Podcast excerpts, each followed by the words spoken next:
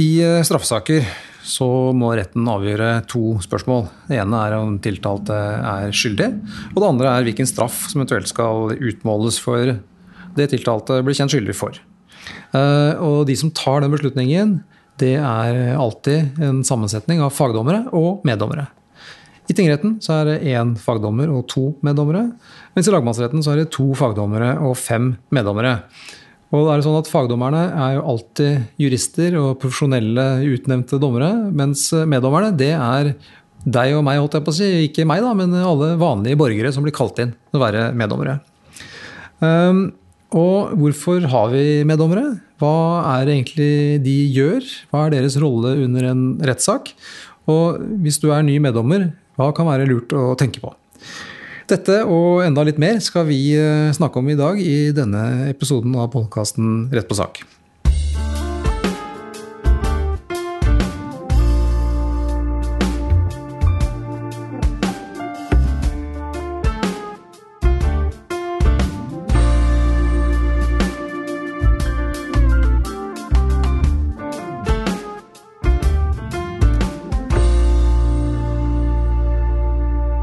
Du hører på Rett på sak, en podkast fra Domstolen i Norge. Mitt navn er Ragnar Lindefjell. Jeg er til vanlig dommer i Oslo tingrett. Og akkurat nå så har jeg et engasjement som dommer i Borgarting lagmannsrett i to år. Eh, men det viktigste i denne sammenheng er at jeg skal da forsøke å være programleder for denne episoden av Rett på sak. Så har jeg fått med to gjester til å snakke om eh, meddommerordningen. Og får starte med, med min kollega tingrettsdommer Hanne Nymoen. Hun er en erfaren og klok dommer i Oslo tingrett. Kanskje du vil si to ord liksom, om din, eh, din, bakgrunn, hvor lenge har du vært dommer og sånne ting? Ja, jeg har uh, vært dommer i Oslo tingrett i litt over ti år. Og før det har jeg også vært dommerfullmektig og også midlertidig dommer i lagmannsretten, sånn som du er nå. Så jeg har vært i domstolen i snart 14 år til sammen, og før det har jeg jobbet ganske lenge hos Sivilombudsmannen. Kort fortalt. Og så, eh, For å representere meddommerne, da, så har vi en, også en erfaren meddommer her. Det er eh, Kyrre Tønne Holm Johannessen. Han har kanskje et navn noen av dere kjenner igjen. Han har sin egen podkast, Krisemøter. Har også vært programleder på TV, skuespiller og manusforfatter. Så da har vi noen som er veldig proffe på podkast med oss. Så da får vi litt ekstra prestasjonsangst, vi dommere. Det trenger vi sikkert. Men Kyrre, hva tenker du, hva er grunnen til at du syns det er moro å stille opp her som gjest i en meddommerpodkast? Eh, jeg syns jo det er veldig gøy Gøy er kanskje ikke et riktig ord, men jeg, er jo veldig glad for å være en del av det systemet der. Da. Å være en som Jeg føler liksom Samfunnet sender mail 'Nå trenger vi din hjelp igjen, Kyrre', til nå er det en rettssak. Å være en del av det eh, maskineriet der, da. Samfunnsmaskineriet, på en måte. Så man føler seg litt sånn eh, som en lettvekter når man holder på med de tingene som du akkurat nevnte, med podkast og manus og TV. og det er liksom ikke noe eh, som driver samfunnet videre, sånn syns egentlig. Ja, jeg tror mange i min bransje kjenner litt på det. Så det å gjøre noe konkret og nyttig liksom, uh, som en del av hele det offentlige Norge, da, føles uh, godt og viktig, egentlig. Og derfor er jeg jo altså kom hit og snakke om det. Det er bare en del av det. Ja, men Hyggelig. Jeg tror vi for, På vår side syns det er hyggelig og bra og hjelpsomt å få dere inn av og til, så vi får litt annet perspektiv enn, vårt uh, vanlige, tunge, kjedelige jurist, uh, juristverden. Ålreit. Vi La oss gå rett på sak. Først et lite spørsmål til deg, Hanne. Altså, hvorfor har vi egentlig meddommere? Det er jo en veldig gammel ordning, eh, og den bygger jo på prinsippet om at man skal dømmes av sine likemenn. Og eh, man tenker at meddommerordningen er en, liksom en garanti for rettssikkerheten, og også at det er en ganske viktig del av de demokratiske prinsippene. Eh, og jeg tror de fleste rettssystemer jeg kjenner til, de har en eller annen form for meddommerordning. Og jeg syns personlig at det er veldig nyttig å ha meddommere inn i straffesakene og få et annet perspektiv enn bare vi det bare vi jurister har. Hva tenker du, Kyrre? Er, er, det viktig å ha meddommere? Ja, det er det prinsippet med likemenn. Det høres jo Like personer burde det kanskje vært nå, da. Like personer. Det er nok, det er nok bedre, det. Ja. ja, ja. ja. er jo et veldig bra grunnleggende eh, rettsprinsipp. Ja, så jeg er jo veldig sansen for det, da. Ja, og da kan vi jo med en gang sant, observere at det er jo alltid sånn at meddommerne er i flertall. Sånn at uh, det er, alltid, det er aldri juristene, fagdommerne, som bestemmer i siste instans. Så det, så det er jo sånn at vi, vi, har meddommere, og det er faktisk de som, som har den avgjørende stemmen. Alle har hver sin. Jeg kan bare ta det poenget med en gang, at det er ikke alltid det føles uh, sånn. Uh, når man er inne i en rettssal, og kanskje særlig i begynnelsen, da, med en dommer i kappe og, og alt det offisielle og høyt, ganske høytidelige som er rundt, så man føler seg ganske lettvekter, som jeg var inne på. Så det er fort gjort at man hører på dommeren, da, for å si det forsiktig. Det er litt sånn som når vi dommere skal lage podkast. Ja, så, så, derfor er det godt for meg å være i denne rollen. Ja, ja, og det, det, er morsomt, og det skal vi kanskje komme litt innpå etter hvert også. Det med forskjellen mellom eh, det formelle og det som kanskje egentlig er som oppleves som virkeligheten av, av, en meddommer. For det tror jeg nok de aller fleste kjenner på. Det er klart det er, det er ikke helt symmetri i rollene her, selv om man har på papiret en stemme hver og skal være likt, så er det ikke alltid kanskje at det oppleves sånn. Men uh, for, for, de som er blitt nye meddommere, da, Hanne, skal i retten for uh, første gang, så kan det kanskje være greit å ha en litt sånn oversikt over hva skjer egentlig i en straffesak. Mm. Kanskje vi skal, skal, vi snakke litt om gangen i en, en, eh, en straffesak? Det kan vi gjøre. Og da tenker jeg kanskje det er, eh, det er, nyttig å starte med det som skjer før man kommer inn i rettssalen. Når meddommerne kommer til tingretten om morgenen, så har man ofte et kort møte, eller alltid et kort møte med fagdommeren først. Og da snakker jo fagdommeren litt om saken, går gjennom tiltalen og går gjennom det vi kaller for habilitet. Da, om meddommerne har, kjenner noen av aktørene i saken, om det er grunn til at de ikke kan være dommer i den saken. Og så eh, er det jo det spesielle med straffesaken er jo at vi vet veldig lite, vi som dommere, om, om, saken før rettssaken starter. Vi har denne tiltalebeslutningen, og vi har en bevisoppgave som sier noe om hvilke vitner som skal føres, og hvilke dokumentbevis som skal føres. Men vi vet ingenting om hva de vitnene skal forklare seg om. Så det er jo alltid en liten sånn gjettelek. Hva kommer denne saken egentlig til å handle om? Ja, ofte så opplever jeg at meddommere syns det er litt overraskende at, uh, at, fagdommeren ikke vet mer om saken. Uh, har du da også den opplevelsen, Kyrre? Ja, ja. Men uh, ja, fordi man vet jo ikke engang Kommer tiltalte til å er seg skyldig, uskyldig, alle disse tingene. Man, nei, man er på scratch. Man vet jo ikke egentlig engang om tiltalte kommer til å være til stede. Nei. Men når du, når du ser en sånn tiltalebeslutning, Kyrre, mm. de gangene du har vært i retten, ja. hvordan Syns du det gir et, bilde, gir et, godt bilde av saken? Er det lett å forstå? Eh, hvordan, hvordan er det egentlig? Ja, det synes jeg. Nå har jeg hatt ganske enkle saker. da. Ja. Endagssaker som har vært eh, ganske oversiktlige. Ja. Så det har vært lett for meg å forstå hva som er eh, spørsmålet her. Ja. ja. Men det, jeg ble også overrasket over um, For ofte når man ser tiltalebeslutninger, så ser det ganske greit ut. Og her er det tydeligvis at det går mot en dom. Men så er det ikke alltid så enkelt, når særlig forsvareren kommer til ordet. da. Så man vet ikke hva som skjer. Jeg er glad for at du har ja, opplevd de tiltalebeslutningene som, eh, som, greie, men jeg, for min erfaring er at de ofte er ganske noe av det mest upedagogiske dokumentet jeg vet om, nesten. Fordi hvis det er lange tiltaler, så er jo de bygget opp på en helt annen måte enn det man logisk ville tenke seg. De er ikke bygget opp kronologisk, sånn at ting som har skjedd samme dag og henger sammen, de kan stå på tre-fire forskjellige steder i tiltalebeslutningen. Så til nye meddommere som får en sånn tiltalebeslutning, så må man kanskje si at dette blir klarere underveis i saken, men det er litt forvirrende både for eh, fagdommeren og meddommerne med en gang. Ja, det er, det er, ikke helt dagligdags alltid, de tiltalebeslutningene. Det, både så har du det litt gammeldagse språket i straffeloven, og så har du måten påtaleministeren beskriver dette på. Det blir ofte ikke sånn veldig lesevennlig. Det, men, men, det er jo hyggelig at du har hatt den opplevelsen, da, Kyrre, at det har vært greit. Ja, ja, som sagt så har jeg kanskje vært litt heldig i ja. med sakene. De har vært ganske enkle. Ja, ja det er bra. Så nå sitter vi og snakker om tiltalebeslutninger, som om alle vet hva det er. Men uh, hva er egentlig en tiltalebeslutning, uh, Hanne? Hvor kommer den fra? Ja, det er jo det mest sentrale dokumentet i saken. Det er, det, det er, den beslutningen som påtalemyndigheten har gjort om hva skal vedkommende tiltales for. Hvilke straffebud mener man de har overtrådt, hva mener man det er bevist utover enhver rimelig tvil at de har gjort. Uh, og det er det som er rammen for saken. Så retten kan ikke dømme for noe annet som måtte komme fram i saken, hvis ikke det står i tiltale tiltalebeslutningen. Så det er jo det, er det hele saken dreier seg om, egentlig. Når du da går inn i, i retten Kyre, etter å ha snakket med dommeren og den andre meddommeren, du, hva slags informasjon har du fått i forkant? og Føler du at da er man klar for å gå i gang? Ja. Eller jeg har, en, jeg har en god anelse om hva som skal skje. Da.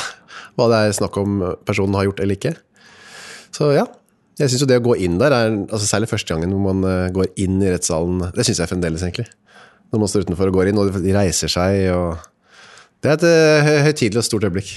Ja, for da, første gang du er meddommer, så, så må du avgi en såkalt meddommerforsikring. Da, sånn at, eh, det var kanskje det du siktet til. Ja, I tillegg til at alle reiser seg, og de som venter. og det er sånn, Ja, det er litt høytid. Ja, det er det. Det er det. Mer enn det jeg er vant til fra mitt eh, hverdagsliv. i hvert fall.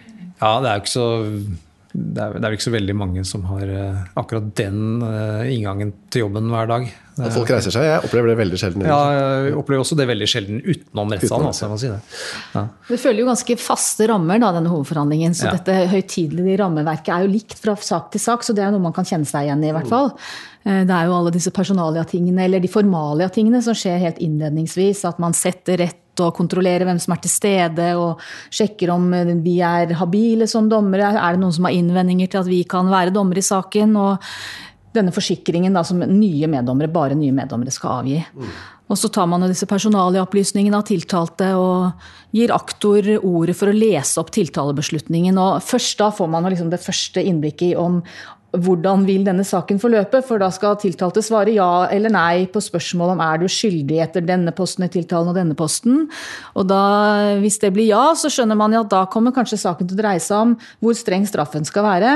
Men hvis det er nei, så kan det jo bli ganske kompliserte spørsmål om vedkommende er skyldig eller ikke. Mm. Og etter der innledende, de innledende eh, foredragene da, fra aktor og kanskje noen kommentarer fra forsvarer, så, så er det jo gjerne tiltalts forklaring da, som står på, på tapetet. Og da er det noe man, dere tenker er, man skal være spesielt oppmerksom på når man eh, som meddommer man skal høre på forklaringer, om det er tiltalt eller vitne eller hvem det måtte være. Hva tenker du, Skal du starte med det, Anne? Jeg tenker at Det er i hvert fall veldig viktig å følge godt med. fordi det du får der muntlig i retten, er den muligheten man har til å få med seg det som blir forklart. Vi har ikke noen skriftlige dokumenter som vi kan kikke på etterpå. Så det er viktig å være veldig oppmerksom på hva som blir sagt. Og det er ikke så lett akkurat der og da å vite hva som blir det viktige etterpå. Eh, Så det at man er tre og har eh, tre muligheter til å tenke på det, er viktig. Og så er det jo det at hvis du som meddommer etter at alle de andre profesjonelle aktørene har stilt spørsmål, fortsatt sitter og lurer på noe, så har du akkurat like mye rett eh, som alle andre til å stille spørsmål, og da er det viktig at du gjør det. Det tenker jeg jo er eh, Jeg husker ikke om jeg gjorde det første saken. Jo, jeg tror det. For det var et sånt poeng som Eller jeg satt og ble sittende og lure på noe, og så skal ikke liksom, verken aktor eller noen andre spørre om dette. Ah, Så er det litt sånn, det er jo rammer, og det er jo litt, eh, i hvert fall for meg, da, litt sånn eh, skritt å liksom ta ordet. Men eh, jeg gjorde det, da. Så etterpå fikk jeg liksom skryt av dommeren. Veldig bra at du tok opp det, og det var viktig. Altså, da ble jeg veldig stolt, selvfølgelig. Men også, det, det, det er altså, Dette er jo bare mennesker. Alle som er der. Dommeren er det. Tiltalte er det. Det ser man jo, og det er ofte den første følelsen jeg får når jeg kommer inn, for man leser liksom tiltalebeslutningen og alt der. og så ja, ja, denne personen skal vel dømmes, da. Det er jo ikke noe, liksom, det ser opplagt ut. Og så man, så sitter en person der, et menneske som kanskje er altså De fleste av de har en veldig, veldig dårlig dag, da. Og ofte har de en dårlig periode i livet sitt, kanskje. Og du, plutselig så blir det kjøtt og blod og et menneske du kan synes synd på. ikke sant? Plutselig blir det et helt annet uh, liv til saken. da. Eh, men også det gjør jo at altså, aktor er også et menneske og kan glemme ting og la være å tenke på ting, og forsvare noe. Så det, så det er veldig vanlig, i hvert fall de rettssakene jeg har vært med, at det har vært ting som jeg syns ingen har tatt opp, som egentlig burde vært Hvorfor er det ingen som spør om det? Og da er det viktig at man gjør det. Ja, veldig viktig at du gjør det. Og hvis du er i tvil og du syns det er vanskelig, så er det bare å ta en liten hviskeprat med dommeren om eh, det er greit. Og det som jeg pleier å være obs på, da, som jeg sier til meddommere, er jo at det er viktig at de stiller spørsmålene på en, en riktig måte. At man ikke er forutinntatt i spørsmålsstillingen, og at man er åpen i de. Eh, at de er nøytrale på et vis, da. Eh, men at meddommere har en viktig rolle i å bli oppmerksom på ting som ikke har kommet fram, det er helt sikkert. Jeg tenker at Det er en av de styrkene i meddommerordningen. At vi som er profesjonelle i dette, vi har på en måte våre skjemaer. vi er interessert i våre ting, sånn at dommen skal bli riktig og alt skal bli i stil og orden. Og så kan jo dere som kommer inn med et annet perspektiv, stille spørsmål som vi kanskje ikke har tenkt på, men som ofte opplever jeg kan være ganske nyttig, særlig i forhold til straffeutmåling. Da. Som sier, dette handler jo om, da, da kan man se litt på det større bildet.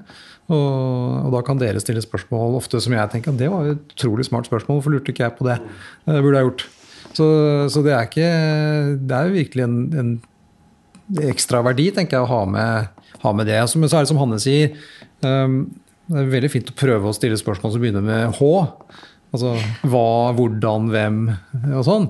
Um, og at det ikke blir altfor langt og, og, vanskelig. Og det er ikke lett å stille gode spørsmål, så, da, så for de som syns at enten det er litt, eh, at det er litt vanskelig, eller at det kan være litt sånn, det er litt høytidelig og man, er ikke så lett å ta ordet, kanskje, for alle. Det er ikke alle som har sin egen podkast. Eh, så, så, er det jo som han er inne på, da, send en Post-It-lapp til dommeren, eller ta det opp i en pause. Så får man stort sett alltid stilt de spørsmålene man vil, men det er en det er, jo den ene sjansen man får. ikke sant? Det er for sent når saken er slutt. Det er for sent. Det er jo også litt forskjell på hvem som er i vitneboksen der, eller hvem som Altså det er et vit, eh, tiltalt er én ting, men hvis det er et ekspertvitne, en politimann eller en ja, Det er jo Det er ikke alltid så lett på en måte å føle at man skal pirke litt i dem. Altså, Nei, man, det er interessant at du sier Noe de, altså, noe man syns høres rart ut, eller? Mm. men så så det krever litt innsats eh, for de fleste, tipper jeg, å, ta ord på en måte som gjør at eh, det kan oppfattes som om man stiller eh, spørsmål ved noe de personene har sagt. Ja, ja og, det, det, tror jeg er en veldig lett følelse å ha. Og så tror jeg målet må være at man kommer over den følelsen, og så heller stille de spørsmålene. og det, Dette har en side liksom til til hvem som skal bevise at uh, tiltalte har gjort det han uh, har gjort, og det er jo politiet. Så hvis man har lyst til å stille et spørsmål til et politivitne om et eller annet, så er det helt normalt og bør jo bare egentlig oppmuntre til, tenker jeg. De, uh, som sagt, de gjør også sin jobb. og At det sitter noen der ute og kan tenke litt annerledes, det er jo nettopp det som er noe av poenget med hele ordningen. Um, så, så jeg snakker man med tiltalte, vi hører vitner. Og så leses det opp eh, ofte fra en del dokumentasjon i retten. Det er jo veldig vanlig. Uh, det kan variere veldig fra sak til sak hvor mange vitner og hvor mye dokumenter man skal gjennom. Og dokumenter er jo så mye. Eller dokumentbevis kaller vi det. Men det er jo ikke bare dokumenter. Det jo, kan jo være filmer, det er jo eh, tester, beslagsrapporter, hvor, mye, hvor stor var beruselsen, eh, bilder fra åstedet, legejournaler. Det er jo veldig mange forskjellige ting som kan komme som dokumentbevis. Da. Så det varierer fra sak til sak. Vi hadde noe lydopptak husker jeg, en gang av en jente som eh, ble holdt i bakken av en politimenn. Og det var øh, fælt å høre på. Så jeg har vært som sagt ganske heldig med For hun fikk en sånn panikkanfall, og det var det liksom, saken dreide seg om. Hun var liksom skyldig i vold mot tjenestemann eller ikke. da. Men, øh, og det var jo en, ganske mild sagt, da. det gikk jo bra med alle sammen etterpå. Men, øh, og det sitte der i en rettssak og få altså, bevis på ting som har skjedd som er fælt, det det er jo ikke bare bare, da. Nei, og sånne bevis kan jo virke ganske sterke. Jeg mm. husker en sak jeg hadde, det var som dommerformektig, det er veldig lenge siden nå. Det var en, eh, en, eh, en, som var tiltalt for eh, vold. Og det var tatt et lydopptak. Hun hadde voldsalarm, hun som var fornærmet, og hadde trykket på knappen. Så det lydopptaket man hørte, var da fra denne sentralen. Og det var en ganske sånn dramatisk situasjon der hennes tidligere ektefelle kom inn i huset, og hvordan hun reagerte panisk, ropte at barna måtte løpe ned i kjelleren. Altså det, var, det, gjorde et veldig veldig sterkt inntrykk. Så noen bevis, sånne typer bevis er veldig, veldig sterke. Mer enn at noen står og forklarer seg i vitneboksen kanskje ett år etter at det skjedde. Ja, og, som meddommer så kan man jo være heldig, kanskje i gåseøyne, da, Kuri, og så havne i saker som er nokså greie og enkle. Eller så kan man jo, som du er inne på nå, bli utsatt for til dels veldig sterke eh, inntrykk. Og se veldig og høre veldig alvorlige ting. Man kan tenke seg Sånn, et eksempel som jeg hadde for ikke så lenge siden, en obduksjonsrapport fra et drap. ikke sant? Uh, å se på de bildene og høre de beskrivelsene uh, bare bli lest opp på noe veldig tørt og klinisk. Det er ganske drøyt. Og selv om, selv om vi er profesjonelle, så har jo ikke vi drap ofte, eller grove voldssaker eller overgrepssaker. ikke sant? Så som meddommer så er det klart det, det er, man må være forberedt på at det kan være ganske tøffe inntrykk. Men er det greit å liksom hva er det, hva er det, Kan man si kan, vi ta en pause, eller eh, jeg trenger å hente meg inn litt, eller frisk luft, eller Er det greit? For det, det vet egentlig ikke jeg. Nei, Det tenker jeg må være helt greit, og, og viktig også. Altså, det å få debrif, debrifet litt. Øh, og kunne få en pustepause og snakket sammen på bakrommet om ting som kan gjøre inntrykk på, på en. Og her kommer man jo med forskjellig bagasje inn. ikke sant? For noen så vil jo dette kunne fungere helt greit, selv om det kan være veldig sterke inntrykk. Og andre har jo andre terskler og andre erfaringer med seg. Men, men hovedregelen er vel det Alltid greit å han spørre at om en pause. Ja, absolutt. Og, men, og, men hovedregelen er vel sånn at som meddommer så vet man ikke sånne ting på forhånd. eh, I hvert fall ikke i Oslo. Da har man jo ikke, Vi sender ikke ut tiltalebeslutningene på forhånd. Så når du kommer, så vet du ingenting om saken, annet enn hva tiltalte heter, og hva aktor og forsvarer heter i grunn. Men, eh, men vi som dommere kan jo heller ikke se ut av tiltalebeslutningen hva slags, hvor, eh, si, hvor mye inntrykk de bevisene kommer til å gjøre, de forklaringene. Vi vet ikke noe om det. Så det kan jo komme litt overraskende på. Så derfor så gjelder det jo å håndtere det når det skjer. Eh, Og det å snakke sammen med fagdommere og meddommerne og ta en pause, det er jo viktig, viktig å kunne gjøre det.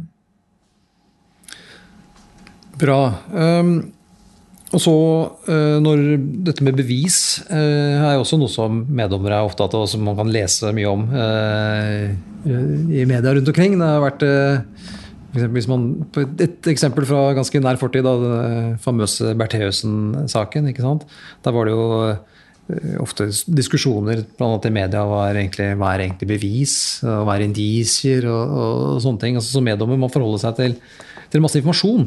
Eh, er, det, er det noen forskjell på bevis og indisier og sånne ting, Hanne? Det er i hvert fall en veldig vanlig misforståelse at eh, indisier ikke er bevis. Og det er jo mange som sier at det er bare liksom fellende bevis, såkalte, som teller. Og, eh, men det er jo ikke en riktig måte å se det på. Det er jo sånn at eh, man må se alle bevisene eh, samlet i en samlet vurdering.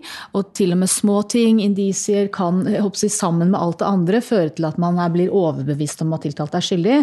Eh, Sånn at det at man ikke har ett enkeltstående bevis, f.eks. DNA eller en tilståelse eller et klart vitneutsagn, det betyr jo ikke at man ikke kan finne noen skyldig. Eh, Og det er jo både da Jensen-saken og Bertheussen-saken eksempler på at domstolen da har vært overbevist om, eh, om skyld eh, gjennom en lang rekke indisiebevis.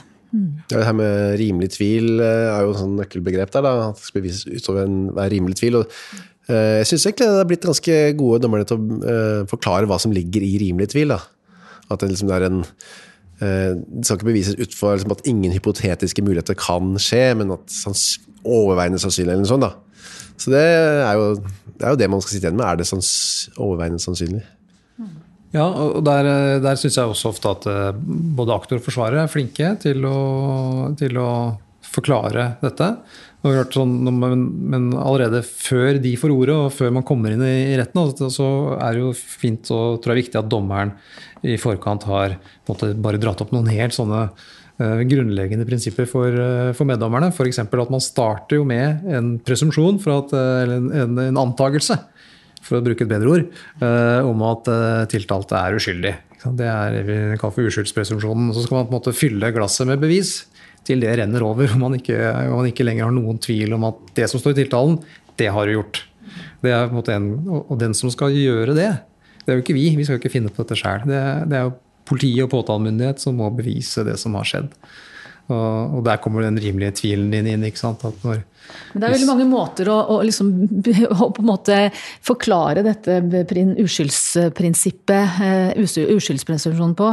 Og et spørsmål som jeg liker å stille, da, det er kan vi utelukke at tiltaltes forklaring kan være riktig?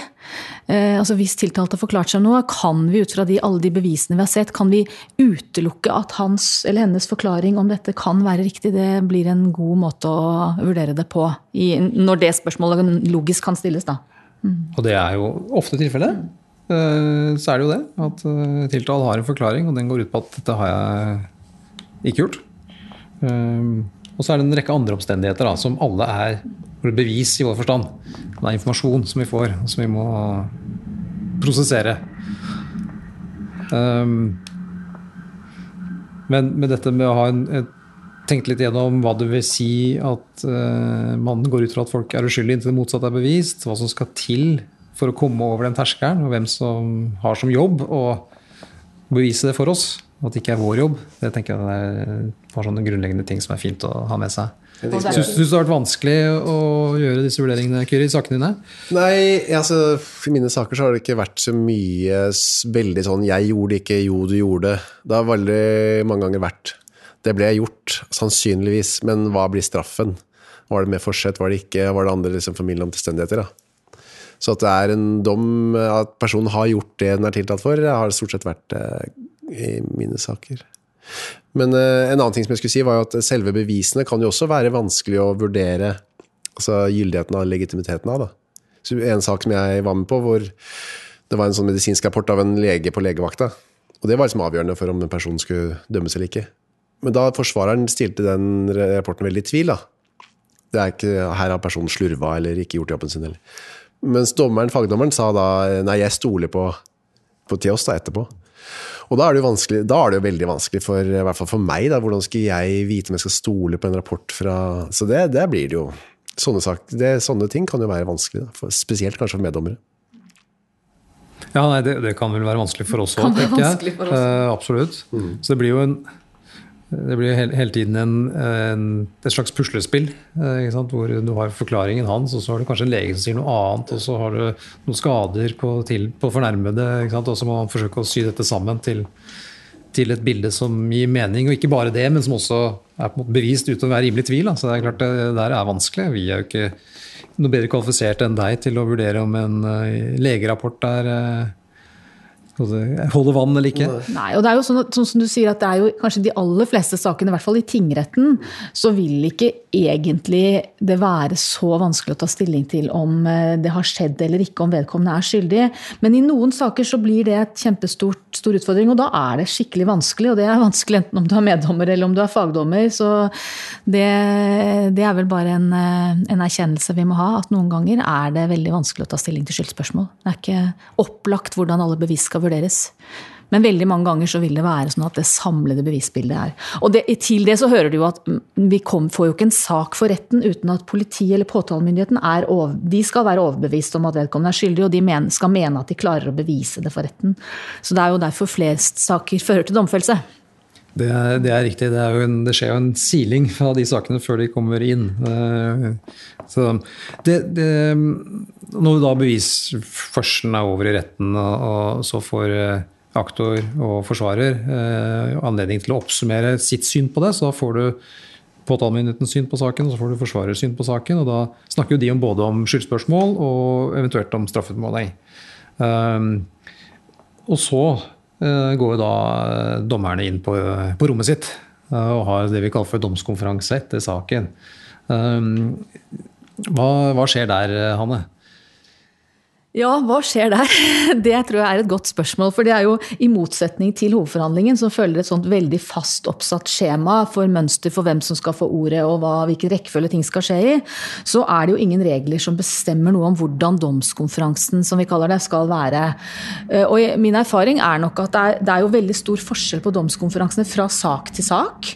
Eh, fordi i noen saker som nevnt, så er jo skyldspørsmålet ganske opplagt. Kanskje det bare dreier seg om straffeutmåling.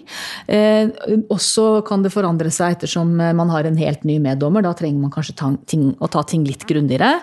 Eh, og så tror jeg også at det er en veldig stor forskjell fra dommer til dommer, og det er det jo egentlig du som meddommer som vet mest om. Eh, det er jo, jeg tenker at det kunne vært interessant å høre hva meddommere sier om forskjellene mellom dommere når vi gjennomfører disse domskonferansene. Ja, det er veldig stor forskjell. Og det er jo både på erfaring, selvfølgelig noen meddommere Nei, dommere har jo vært eh, dommer, kanskje bare et år, eller Og føles nesten Altså de må liksom konferere litt med lovverket osv. Mens andre er jo veldig Og de Jeg har jo hatt flere opplevelser, men den eh, Både den som, hvor dommeren sier hva, hva tror dere? At vi begynner med oss, da. Hva tror dere personen er skyldig eller ikke skyldig?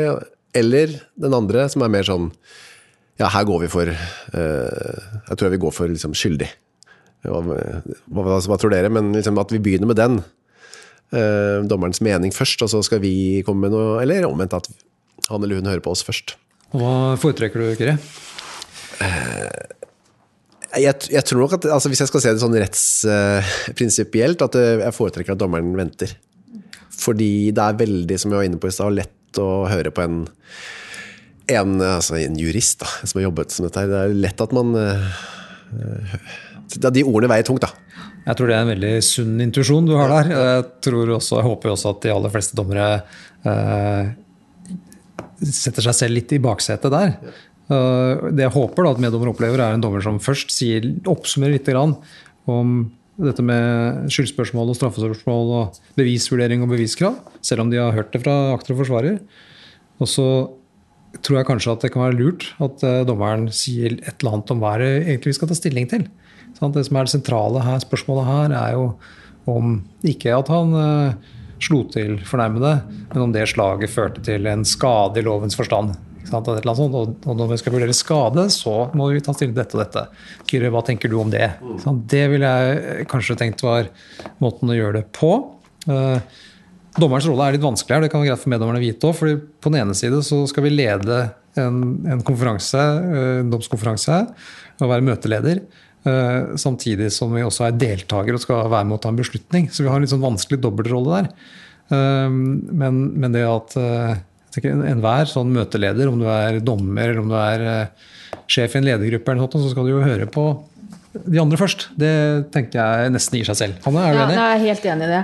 Men jeg, jeg tenker at det er viktig å, viktig å på en måte sette, liksom, uh, sette, rammene for hva man skal snakke om, sånn at ikke det blir bare løst og fast og hva tror du? For det er på en måte, det er en mye mer sånn uh, grundig vurdering vi skal gjøre. Hva er det, som du sier, hva skal man ta stilling til? Og kanskje gå igjennom her han nekter for å ha gjort dette i det hele tatt. Hvilke bevis er det som egentlig er presentert? Og kan kanskje diskutere hva sier det beviset, og hva har dere oppfattet av det vitnet, hvordan oppfattet du det? Og så til slutt gå den runden med gå for at meddommerne uttaler seg først om hva de, hva de tenker. Og så det der at meddommerne har en lik stemme som fagdommeren, er jo kjempeviktig i, i, den, i den, eh, sammenhengen der.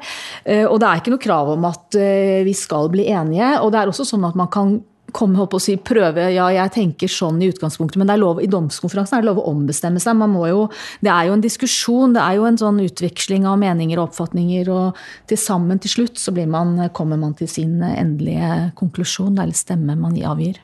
Og her, meddommere, holdt jeg på å si, Noen meddommere er jo i tingretten, og andre er i lagmannsretten.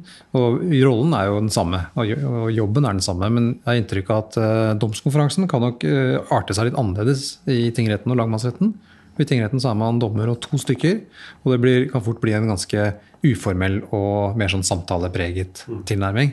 Jeg vet ikke om du har vært i lagmannsretten noen gang? Nei. Det? Nei? Det drømmer jeg om når jeg blir tilkalt opp dit. Det er neste ja, ja, nei, men det får vi håpe det er vel egne utvalg, er det ikke det? Da? Jo, det er egne utvalg. Og der, øh, men der er det fem. Ja. Uh, og så er det to fagdommere.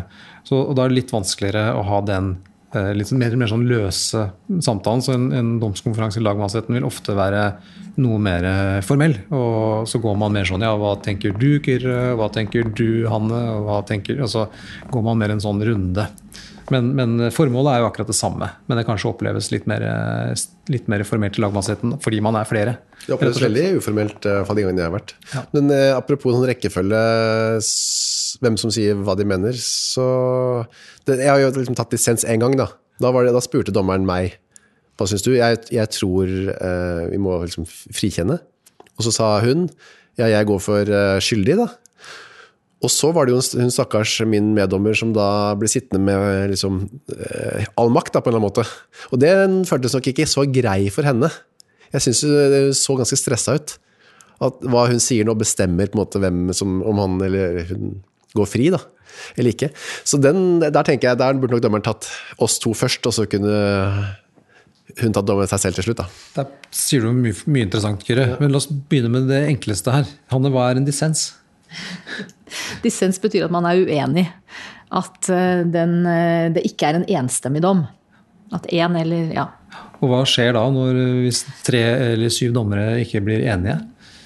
Ja, I tingretten er det at hvis de to meddommerne da går for frifinnelse, så blir det frifinnelse. Hvis de to meddommerne går for, eller to, med, to dommere går for skyld, så blir det skyldige. Mm.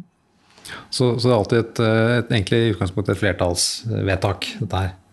Um, og, og, det er jo sånn, det snakket jo om at man har én stemme hver. Så hvordan ble, hvordan ble, det din sak, Kyrre? Det ble to på skyldig. Ja? Så jeg var det eneste. Ja. Men det er jo et eh, godt tips til oss det at det er greit å ta begge meddommerne først, sånn at man ikke føler at de blir sittende ja. med tungen på vektskålen, for det kan være en ganske vanskelig, ja. eh, vanskelig vurdering. Jeg tror hun opplevde det som ganske tøft. Mm. Mm. Litt sånn ubehagelig. Ja, og det, det, er jo et annet poeng. Det, det, det er jo et stort ansvar. Og det kan oppleves som ubehagelig, og det vil det av og til gjøre.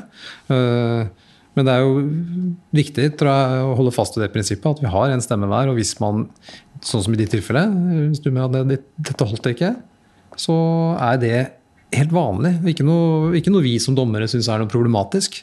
Det, det, er jo bare et system som fungerer sånn som det er tenkt, i min verden i hvert fall. Så det at man, er, at man ikke nødvendigvis er enige om resultatet, det, det er det er bare sånn det er. Det er ikke noe, er mer, det er ikke noe positivt eller negativt, tenker jeg da. Nei, det er jeg enig i. Men det er jo uh, greit å, å, på en måte ha en begrunnelse. ikke sant? Man bør jo ha, Det skal jo skrives, dette her. Det er jo, det er jo egentlig en fordel med en, eh, en, en, rettsprosess, at det skal skrives en dom. Så hvis du som meddommer uh, da er uenig, er den ene som har en såkalt dissens, så skal det jo skrives en begrunnelse for hvorfor du mener at vedkommende er uskyldig eller skyldig. Så man må jo ha gjort seg opp en oppfatning om hva ved denne, disse bevisene er det som gjør at jeg faller ned på den eller den konklusjonen. La oss gå gå til noe helt annet sånn uh, avslutningsvis.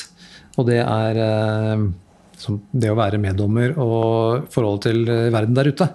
For det tenker jeg er noe som mange kanskje er litt opptatt av og lurer litt på. Hvordan er det å være meddommer og samtidig ha et aktivt liv på sosiale medier, f.eks. Alle rettssaker er jo som hovedregel åpne for offentligheten. Det er ikke noe hemmelighet at man er meddommer, for så vidt. Eh, men, men, eh, kanskje skal vi modifisere litt sånn de utgangspunktene litt når det gjelder hva er greit og ikke greit å gjøre på Twitter og Facebook og sånn mens man er meddommer. Um, og hvordan er det kanskje starte hos deg, Hanne? Altså, er det ålreit å flagge på Facebook at i dag er jeg meddommer i Oslo tingrett, f.eks.? Ikke, du gjør jo ikke noe sånn lovlig galt, men jeg, mitt, mitt, klare råd vil jo være at man skal være veldig forsiktig med det. Eh, særlig mens saken pågår, så er det, det er veldig viktig å ikke bli påvirket av andre enn, annet enn det som skjer i retten, og av de to andre som er dommere sammen med deg. Så det har jo vært noen uheldige eksempler på at det har gått helt galt. Eh, det har til og med vært en sak som har blitt opphevet etter at den var avsagt, fordi en meddommer hadde stilt stilt åpent på Facebook at i dag er jeg meddommer, og jeg lurer på hva syns dere om eh, jeg bør dømme i denne saken. Eh, og det, så, så, galt går det som regel ikke, men uansett så tenker jeg at det der å, å, å flagge det eh, ut, bør man kanskje tenke seg om en ekstra gang. Ja, for her er det vel litt sånn skille mellom hva som er lov, og hva som kan være klokt, kanskje. Kyrre, du som er en dreven mediemann, hva tenker du er klokt når man er, hvis du er meddommer i en sak som går over noen dager? Ja, jeg, jeg, holder meg langt unna noe eh, sosiale medier den, mens det pågår, da. Men eh, en, en, annen ting er jo som jeg kanskje syns jeg, eh, altså, jeg skjønner mer fristelsen av, er jo hvis du får navnet på tiltalte. For det er jo ofte mulig å, når du får innkallelsen, å begynne å google vedkommende. Bare, og sosiale medier, Facebook og alt. Og det er veldig fristende, men det tenker jeg er, det bør man uh, ikke gjøre. For det er så utrolig lett å begynne å danne seg litt sånn som tiltalebeslutningen. Det ser veldig greit ut. Og du ser en person ja, Du får ikke noe ordentlig inntrykk av hva som har skjedd. Du får ikke ordentlig inntrykk av personen på sosiale medier. Så det, det, er lett, det er fristende, men det For det er jo bare sant, du får innkallelse. Det er det bare to trykk, så har du liksom det tenker jeg er en veldig klok refleksjon. Mm. Fordi at det er jo så viktig å prøve å holde, holde det rent. Da. Det, det, som man skal ta stilling til, er bare det som kommer fram i selve rettssaken. Og det handler jo også om, det kan jo være mediefokuserte saker som er, har, man vet litt om fra før. Og det må man jo virkelig uh, si. Hva er det som er bevist i denne, i denne saken? Og man kan ikke ta hensyn til hva, hva som er skrevet om vedkommende før. Så det syns jeg er en veldig klok måte å tenke på. Ja veldig lurt å motstå den fristelsen. Mm. For det er som du sier, det er både en sånn beslutningsside, at uh, veldig fort så får man noen fordommer eller noen, noen, oppfatninger som kanskje ikke er så gode, så farger de det som skjer i retten. Og det er som Hanne sier, det er det som skjer i retten. Det er jo det som er jobben din å ta stilling til. Det som skjer utenfor, er jo i prinsippet irrelevant for, for, den jobben du skal gjøre. Så det høres ut som en veldig klok uh, greie. Og når vi snakket om domskonferanse i sted, så er det det i, i motsetning til hovedforhandlingen det er kanskje ikke vi alltid så flinke til å huske på å si, jeg vet ikke, jeg får snakke for meg selv, men, men det er jo ikke offentlig. Så de drøftelsene man har seg imellom om tvilen man måtte ha om skyldspørsmål og straffutmåling og sånn, det, det, skal man ikke snakke om. Så med det kan være greit å vite. Um, og nå snakker vi om de vanlige sakene. Det hender jo at det er for saker hvor tiltalte er mindreårig, eller det er forhold som gjør at, eh, at det av ulike grunner er lukkede dører, f.eks. Da skal man jo ikke referere noe av det som skjer, f.eks. Så, så her får man eh, vel som meddom, hvis man har tvil, så spør dommeren. Det får være kanskje et, et godt råd så er det jo litt sånn, man kan jo, Når saken er ferdig avsluttet med avsagt en dom, så kan man jo naturligvis fortelle om den til andre, men det kan jo være fornuftig å ikke brette ut personopplysninger om navngitte personer. altså Det er det ingen grunn til å gjøre. og Man bør jo være, ha en litt sånn etisk refleksjon rundt, rundt det. Eh, både som fagdommer og som meddommer. Da eh, håper jeg at eh, de som har hørt på dette, har fått i hvert fall kanskje fått senket skuldrene litt i forhold til det å være meddommer, og kanskje fått eh, litt å, å tenke på når man skal inn i den rollen. Um, før vi avslutter, da, Kyrre, hva, hva ville vært liksom, de, kunne nevne to-tre dine beste råd til, eh, til, en ny meddommer, du som er en gammel traver? Um, ja, jeg tror det viktigste for meg er bare at du ikke trenger å være så redd for å stille spørsmål i rettssalen. Jeg nevnte ikke det i stad, men det kan jo også være Forsvarerne hender jo er veldig kjente. Altså uh, Jon Christian Elden plutselig sitter der, ikke sant. Og det kan jo være litt en bøyg å ta ordet, liksom, og, Men det, det, ikke vær redd for det. det. det. er det viktigste rådet mitt, tror jeg. Å følge med. Og så er det lurt også å tisse før man går inn i For det kan være litt sånn kjedelig å sitte og måtte tisse veldig under vitneforklaring, f.eks. Ja, det, det, det, er jeg enig i. Uh, både det første og det siste. Ja. Til det første så er jo, som du sa før og tidligere også, det er jo bare mennesker under disse kappene. Så uansett hvem man er og hva man heter. Uh, og, og, tissing, hvis det blir krise, så får man heller spørre, altså. Ta en pause. Men, det sitter langt inne. Altså, ja, det gjør det. vitne for å si at jeg må tisse. Nei, det, og vi holder jo på ganske lenge òg. Vi holder ja, vi gjerne på halvannen time før vi tar en pause, så det kan jo være lurt. Veldig godt råd. Skal vi la det være siste ord, Hanne? Ja. ja. Men det er godt. Da takker jeg eh, deg, Kyrre, og deg, Hanne, for at dere deltok i denne episoden av eh, Rett på sak. Tusen takk. Selv takk. Bare hyggelig. Så takk igjen til eh, våre kjære deltakere Hanne og Kyrre. Mitt navn er Ragnar Lindefjell, og du har hørt på Rett på sak, en podkast fra domstolene i Norge.